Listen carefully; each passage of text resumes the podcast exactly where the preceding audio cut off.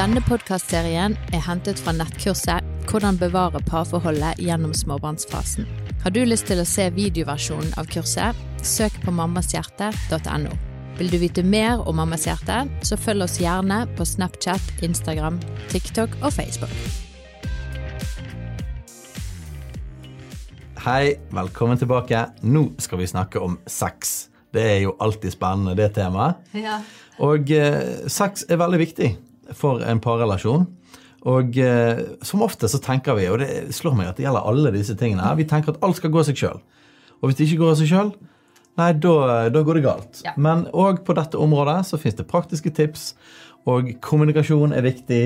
Og det går an å gjøre noe hvis ting ikke funker bra. Ja, og her vil jeg slenge litt sånn inn på forhånd at det er viktig å eh, ha forventningsavklaring. At vi forteller og kommuniserer eh, til den andre. Hva er dine behov? Hva syns du er lett? Hva syns du er vanskelig? Og bare sette ord på alle disse tankene og følelsene som foregår rundt dette temaet. La oss ta en eh, myte med en gang. eh, avsløre den.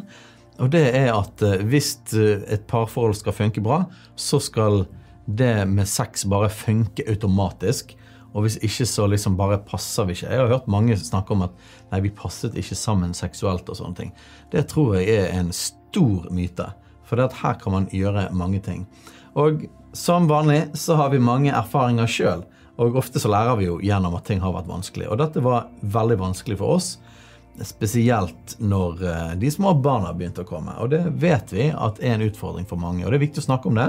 Ja. For at i vårt samfunn så, så måtte sex er såpass opphøyde, det er så sentralt mm. i vår kultur at, at folk tør ikke å snakke om hvis de sliter på dette området. Ja. Men det er veldig vanlig synes det er vanskelig med sex med små, når man har små barn.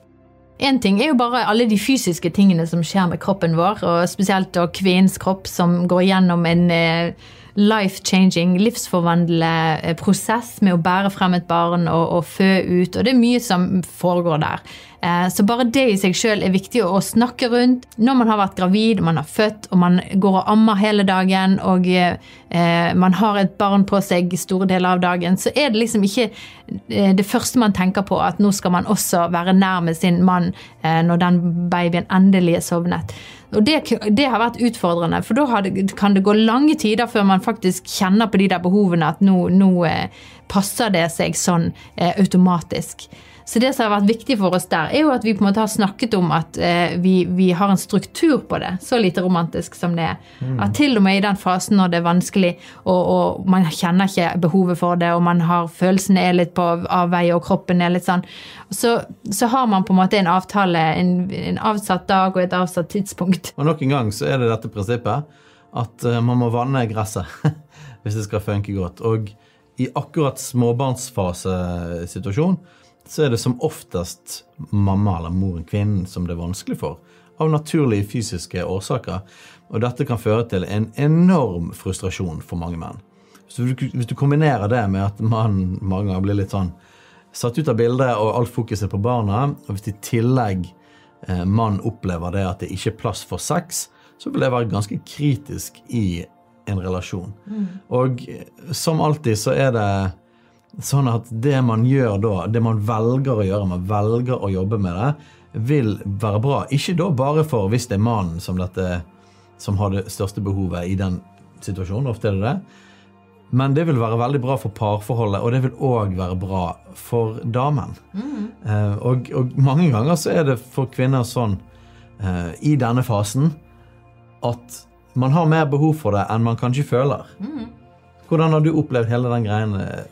Nei, jeg vil bare slenge inn en liten der at på en måte sex avler sex. Altså, altså Hvis man eh, har en avtale og gjør det litt på valg fordi at man vet det er viktig, og man har det som en viktig verdi i relasjonen, så vil det bli en god ting. Og så øvelse gjør mester på dette området. Her, hvis man øver seg og man prøver og feiler og man snakker og er åpen og nær om dette, så vil man etter hvert komme på en plass som er veldig, veldig god og veldig, veldig bra for parrelasjonen. Så dette var den mest eh, uromantiske sexpraten sikkert dere har hørt. Men dette er jo fordi at eh, dette hjelper. Det hjelper ikke fryktelig mye å se på Hollywood-filmer om dette heller. For der virker det som at alt går av seg sjøl, og hvis det ikke går av seg sjøl, så er det noe alvorlig galt. Nei, Dette går an å jobbe med, og det er veldig viktig å jobbe med, spesielt i småbarnsfasen. Og så blir man jo, eh, etter hvert så får man jo eldre barn, og så kommer man litt sånn ut av den. Og da er det veldig viktig at man har hatt en, en god flow på disse tingene. Ja. Så det var litt våre tanker rundt eh, temaet sex. Her kan man jo eh, få eh, mye god undervisning og mye gode eh, tips og råd fra mange plasser. Eh, men det var litt det vi ville si om det. I neste video så har vi lyst til å fortelle litt om hva tro har å si for familieliv og parrelasjon. Hei du! Visste du at Mammas hjerte er en del av Tro og Media? For å lære mer om tro og media, så kan du søke opp på tromedia.no, eller følge oss på sosiale medier.